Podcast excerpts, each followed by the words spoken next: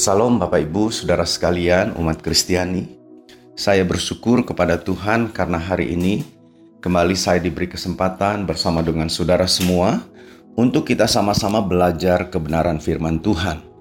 Saudara, sebelumnya kita mau berdoa, kita minta supaya Tuhan menolong kita, memampukan kita untuk mengerti setiap kebenaran firman Tuhan dengan baik. Mari kita berdoa, saudara. Tuhan Yesus Gembala kami yang baik, kami datang kepadamu pada saat ini, menyampaikan syukur kami kepada Tuhan, karena Tuhan baik, Tuhan sudah menolong, memelihara kami, menjaga hidup kami sampai dengan hari ini. Kami ada saat ini oleh karena kemurahan Tuhan. Terima kasih Bapa, Bapa kami bersyukur buat kesempatan ini, karena pada saat ini kembali kami akan belajar kebenaran firman-Mu. Tolong kami Tuhan, Biarlah kiranya kebenaran firman yang kami dengar pada hari ini itu benar-benar merupakan suaramu bagi kami. Kebenaran yang Tuhan ingin supaya kami terima dengan sukacita. Tolong kami, urapi kami, mampukan kami Tuhan untuk kami dapat mengerti.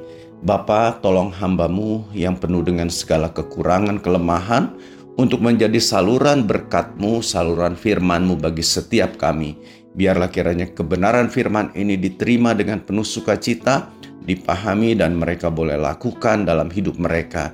Dengan demikian umatmu diberkati dan namamu Tuhan dipermuliakan. Terima kasih Bapa, bungkus kami dengan kuasa darahmu.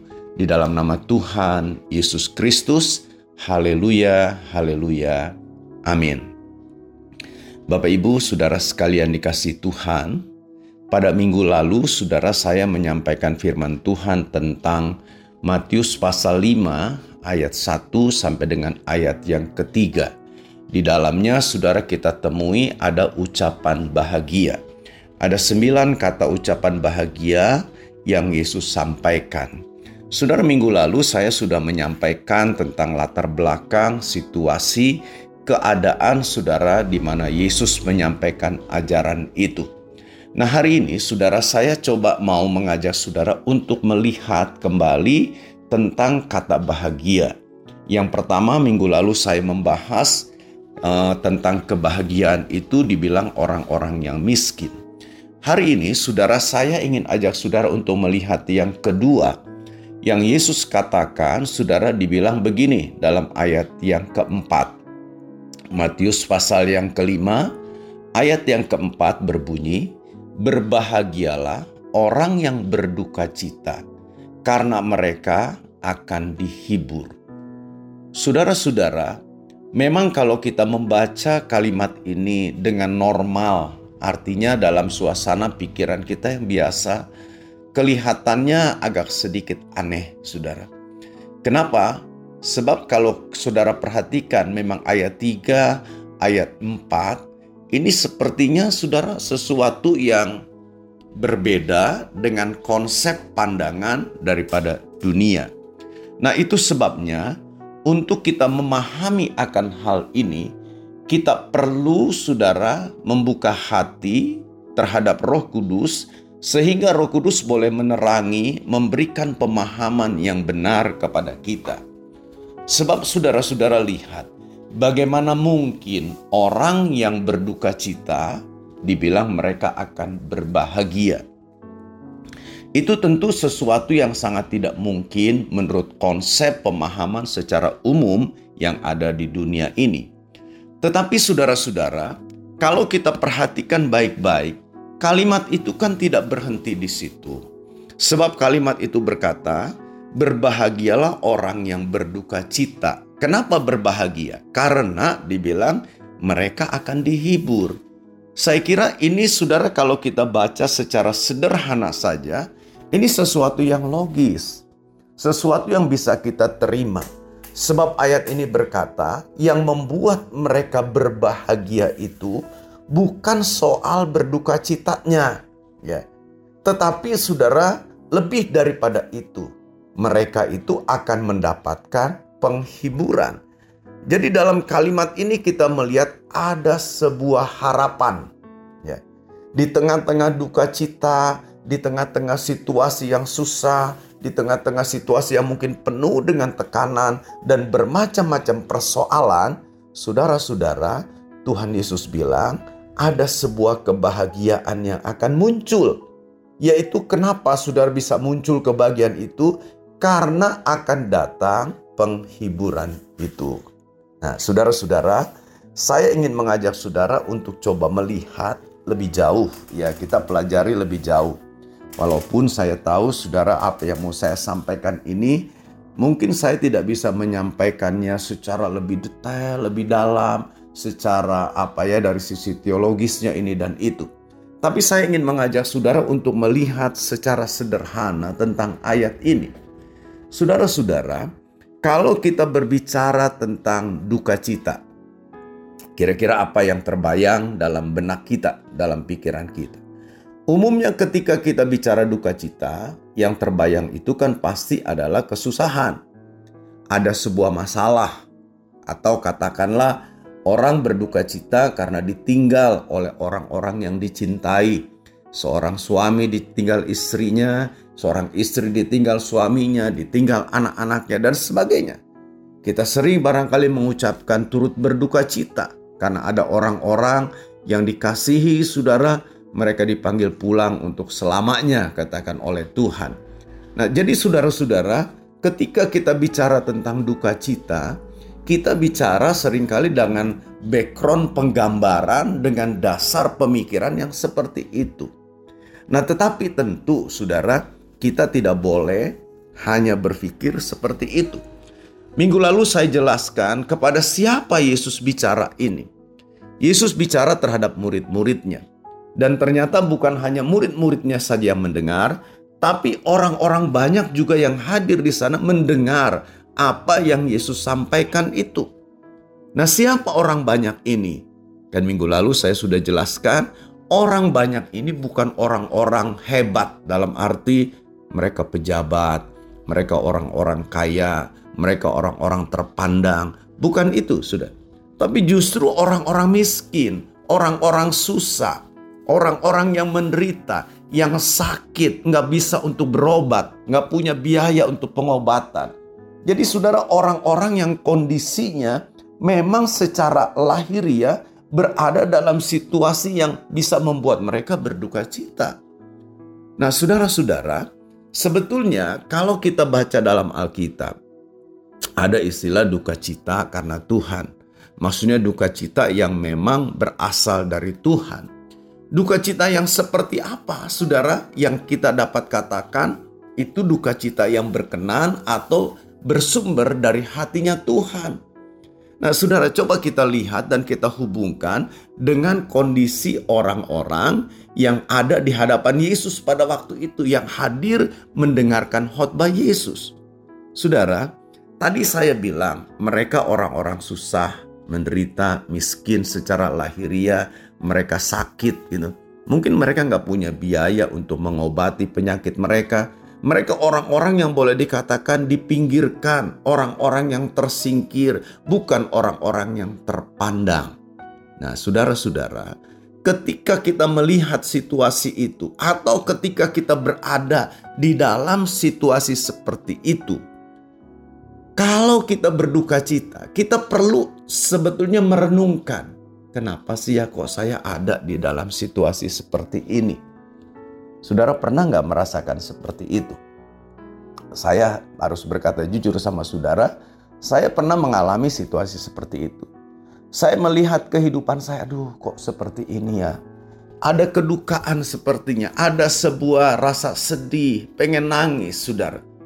Saudara-saudara, perasaan itu membawa saya mulai merenung membawa saya untuk melihat dan bertanya, kenapa semua ini terjadi? Kenapa saya harus mengalami seperti ini?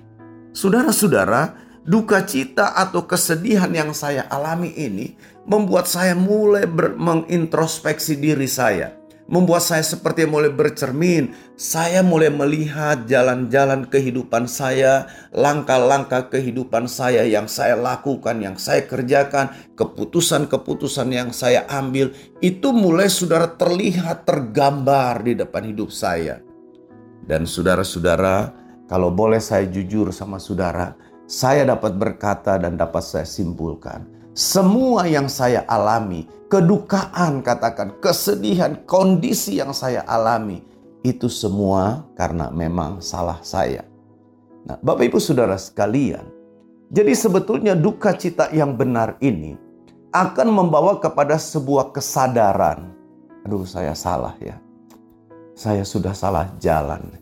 Saya sudah salah, saya sudah keliru mengambil sebuah keputusan saya sudah salah di dalam memilih. Harusnya saya mungkin berdoa dulu, harusnya saya mengikuti tuntunan Tuhan, tapi saya mengikuti maunya saya sendiri. Harusnya saya mengikuti bimbingan arahan dari Roh Kudus, tapi saya mengikuti keinginan daging saya sendiri. Nah, saudara-saudara, duka cita seperti ini harusnya membawa orang kepada sebuah kesadaran. Saya mau ambil contoh lain dalam Alkitab. Saudara kita tahu kisah tentang anak bu anak bungsu ya dalam Lukas pasal 15. Saudara, anak ini dia minta warisannya, dia pergi ya. Walaupun itu belum waktunya lah, Saudara ya. Dia pergi dia berfoya-foya, Saudara. Wah, sementara uangnya banyak, dia tidak pernah seperti yang mengalami yang namanya kesusahan. Wah, banyak teman dan macam-macam lah begitu, Saudara. Sampai satu saat Alkitab bilang habis semua uangnya. Apa yang dia dapat, warisan yang dia dapat dari orang tuanya, habis semua. Dan dia jatuh miskin. Saudara, nah di tengah-tengah kemiskinannya, di tengah-tengah kesusahannya, dia berduka. Dia mulai merenung, dia mulai merenung. Saya bayangkan, ini bayangan saya, saudara tidak ditulis ya dalam Alkitab. Mungkin saudara dia sambil melamun, dia meneteskan air mata. Dia mulai lihat, dia mulai ingat suasana waktu dia masih tinggal sama bapaknya. Setiap kali dia keluar dari kamar tidurnya, dia disambut oleh hamba-hamba daripada bapaknya, dilayani semikian rupa sebagai seorang anak raja, sebagai anak bos. Dia datang ke meja makan, makanan sudah tersedia.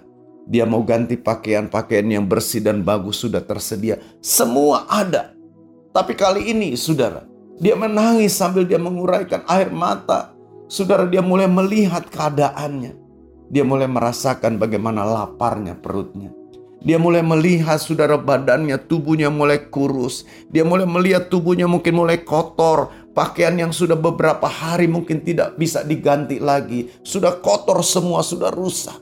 Saudara-saudara, saya coba bayangkan itu. Dia mungkin menangis. Dia berduka. Dia menyesali dengan semua yang terjadi. Saudara-saudara, apa yang dia lakukan kemudian? Nah inilah saudara yang saya maksudkan, yang saya coba pahami dengan kata duka cita. Duka cita yang seperti inilah yang akan memunculkan adanya sebuah kebahagiaan. Jadi kesadaran saudara untuk mengintrospeksi diri, melihat situasi diri, kenapa saya seperti ini? Kenapa sebetulnya? Sebab begini saudara, saya pribadi meyakini Tuhan tidak pernah merencanakan kegagalan, kehancuran dalam hidup kita. Itu saya yakin. Walaupun saya tahu saudara kadangkala untuk kita menempuh keberhasilan yang Tuhan sediakan, kita bisa saja melewati jalan berliku. Turun dan naik saudara seperti yang masuk ke lembah, naik ke bukit, ke gunung yang tinggi. Itu bisa saja terjadi. Tapi itu bukan sebuah kegagalan. Itu bukan sebuah kehancuran. Sejauh kita mengerti, memahami jalan-jalan Allah dan kita tetap ada di dalam jalannya. Saudara, ketahuilah, rancangan dia itu indah. Rancangan dia itu begitu mulia, begitu luar biasa. Nah ini saya berharap kita pahami ini. Nah jadi saudara, harusnya orang-orang yang mendengar khotbah Yesus pada waktu itu, mereka itu bisa bercermin mereka mungkin berduka, tetapi kadangkala duka cita mereka itu saudara hanya sebatas sampai kepada duka cita. Saudara, harusnya kan tidak seperti itu. Mereka, saya coba renungkan begini. Harusnya mereka itu berpikir, iya ya, kita ini kan umat pilihan Allah. Abraham itu bapak kita orang yang luar biasa mendapatkan janji Allah. Tapi kenapa ya kok kami bisa seperti ini?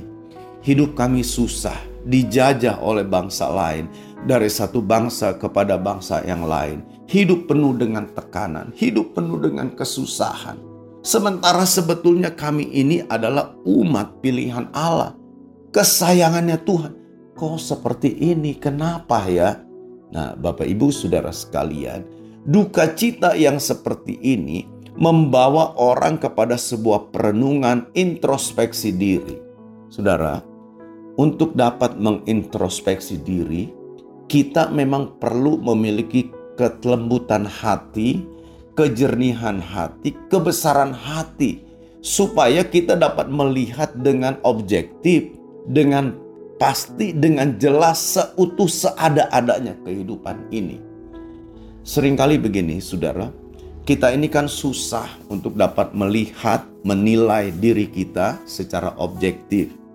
Kita lebih mudah untuk menilai orang lain, walaupun kadangkala penilaian kita tidak objektif lebih bersifat subjektif, lebih bersifat menurut kata kita.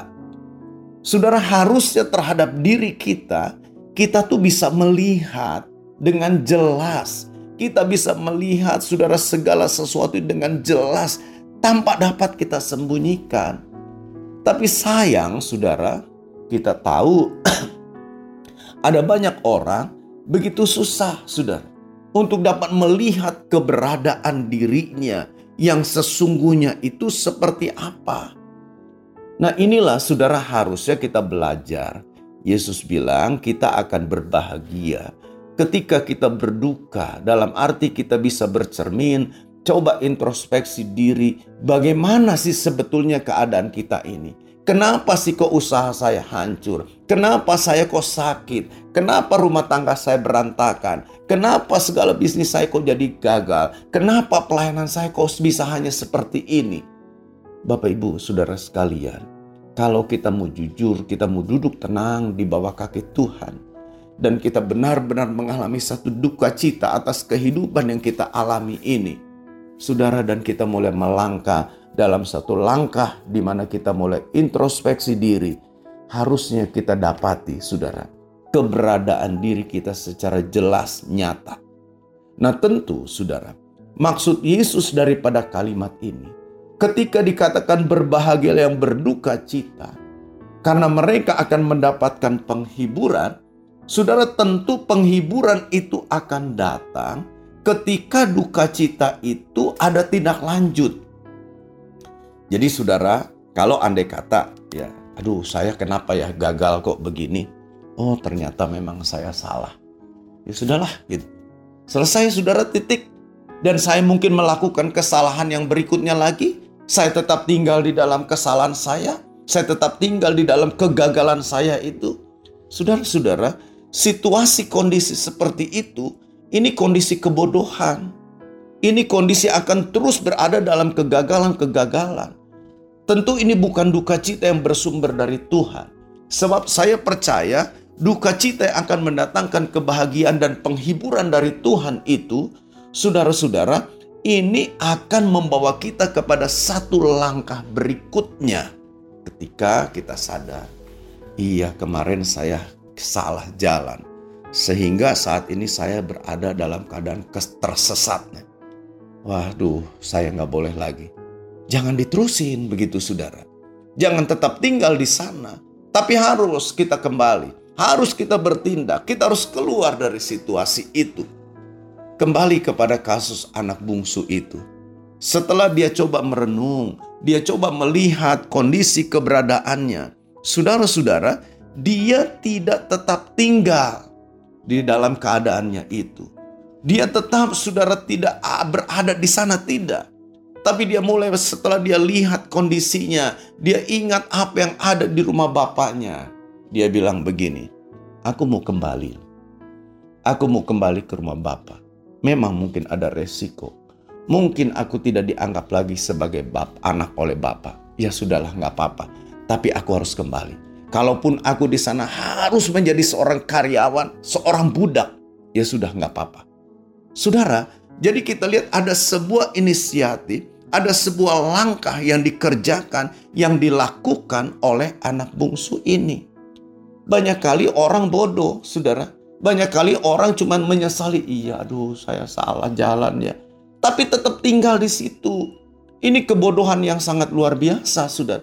Dan situasi tidak akan pernah berubah, kebahagiaan tidak akan pernah muncul, penghiburan tidak akan pernah muncul ketika kita tetap berada di dalam saudara situasi yang tidak baik itu.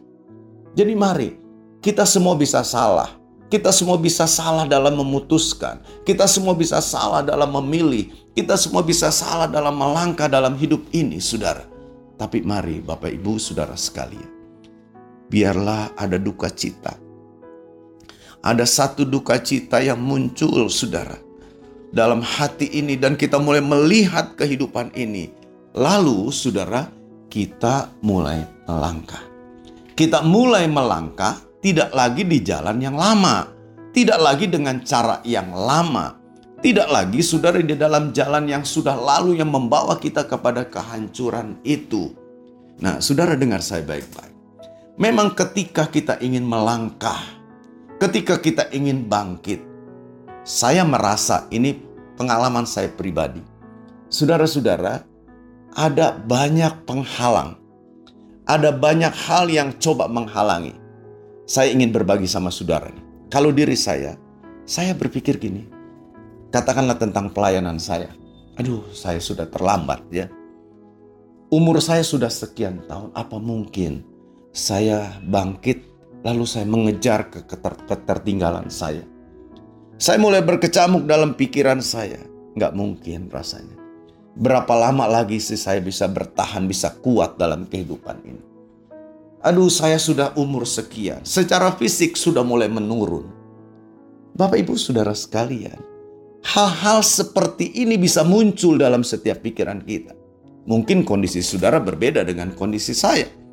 Saudara seorang pedagang mereka berkata, aduh saya sudah bangkrut, sudah habis. Nggak mungkin saya bisa bangun. Nggak mungkin saya bisa balik lagi. Dari mana saya bisa dapatkan modal?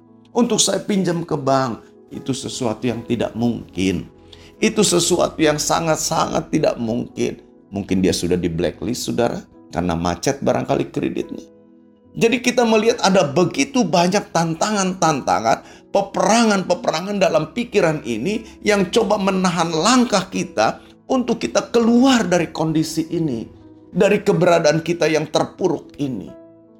Bapak Ibu, Saudara sekalian, saya coba membayangkan ya orang-orang yang dengar khotbah Yesus selain murid-muridnya. Ketika didengar, berbahagialah orang yang berduka cita, Saudara, mereka mulai renungkan, mereka coba memahami. Saya menurut saya saudara, mereka pasti ngerti nih maksud Yesus kan. Mereka mulai melihat keberadaan mereka, mereka mulai melihat kondisi mereka, mereka mulai sadar.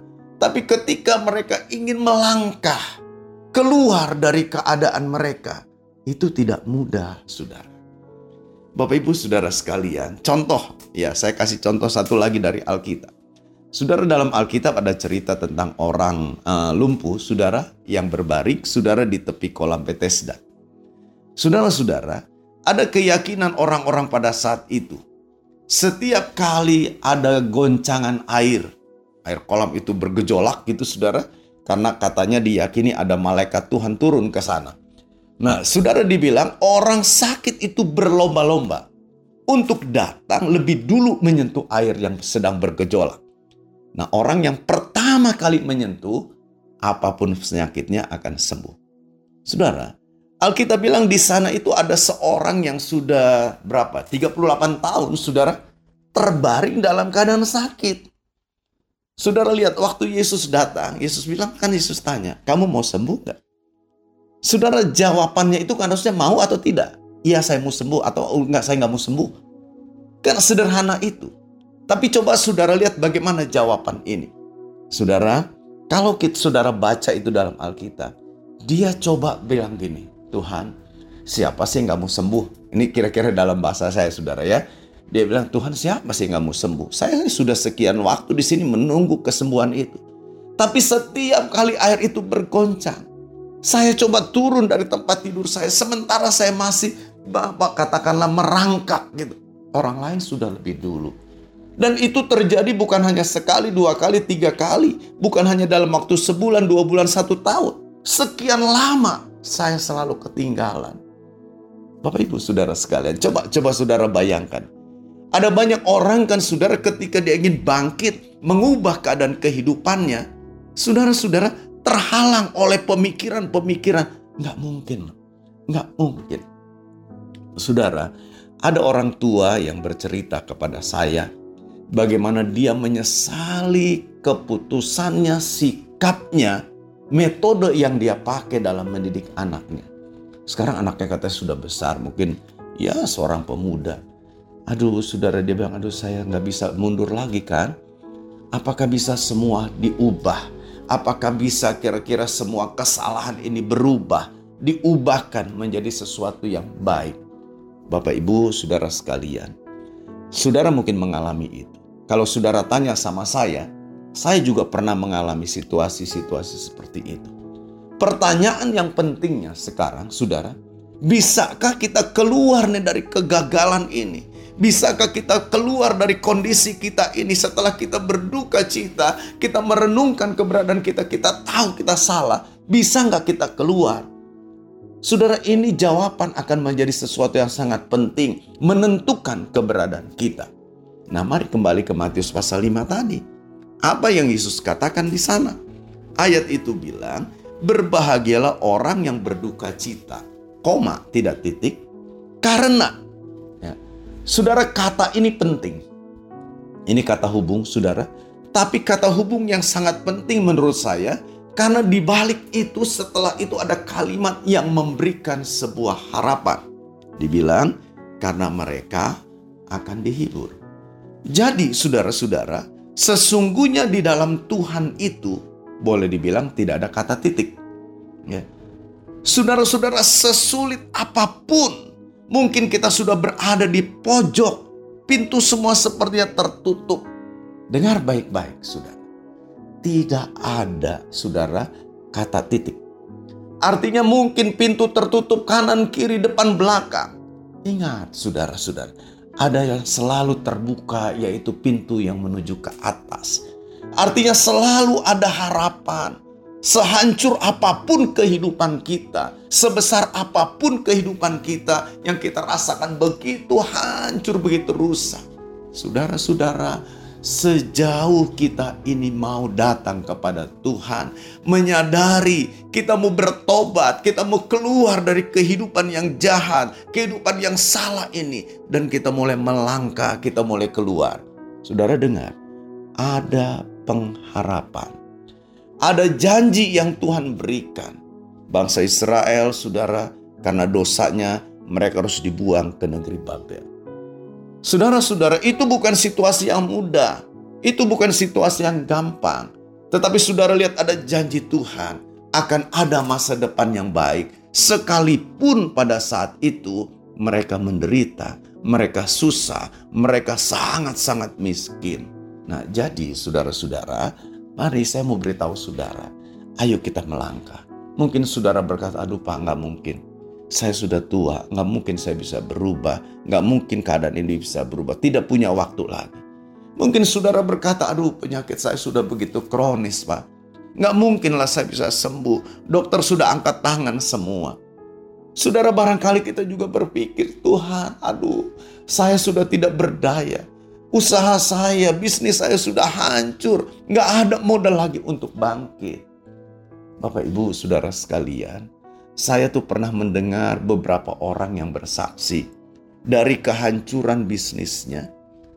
Tuhan tuh punya cara, sudah. Saya cerita satu orang, ya saya nggak sebut namanya. Saudara, saya kenal orang ini, boleh dikatakan kenal dekat gitu, bukan cuma sekedar kenal, bukan cuma sekedar tahu. Saudara, saya tahu bagaimana dia pernah jaya.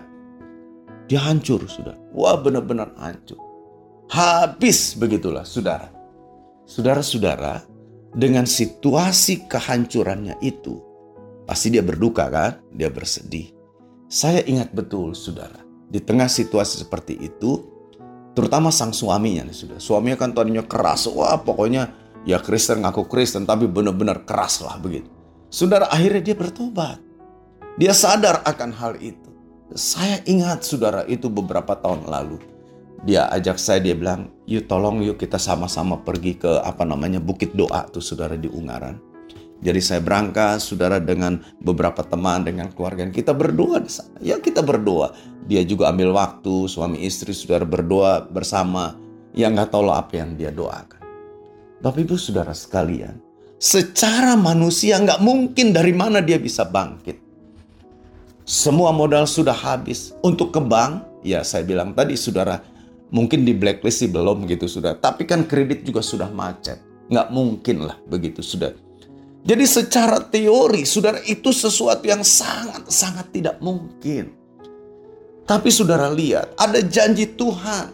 Kalau kita berduka cita, kita akan berbahagia. Kenapa? Karena Tuhan akan hiburkan. Jadi ada sebuah harapan yang Tuhan berikan di tengah-tengah situasi yang tidak mungkin itu. Dia bercerita, dia bersaksi, dia bilang begini. Ada seorang rekan dia bukan seorang yang satu iman dengan dia. Saudara yang sudah lama tidak pernah bertemu, tiba-tiba datang ke tempat dia. Lalu saudara-saudara yang ngobrol ke kanan ke kiri gitu saudara. Saudara singkat cerita, temannya bilang begini. Saya mau kasih bantuan buat kamu. Ini saya ada uang sekian, silakan pakai kelola oleh kamu. Jangan pikir bayarnya satu tahun kemudian pokoknya nanti kalau andai kata kamu sudah oke, kembalikan sama saya. Saudara, dari mana kira-kira kok bisa seperti itu ya? Pernah nggak saudara pikir, oh itu sih kebetulan saja, itu kan memang temannya dia. Apa kita mau berpikir begitu? Itu pikiran yang picik menurut saya. Saudara-saudara, teman baik sekalipun kadang-kala kan saudara dia bisa baik sama kita ketika kita punya uang, ketika kita sedang jaya, tapi ketika kita sudah mulai saudara menurun, biasanya juga mereka mulai menjauh. Mereka mulai menghindari, mungkin kita telepon pun tidak diangkat, ditolak, saudara. Itu umum, saudara, terjadi.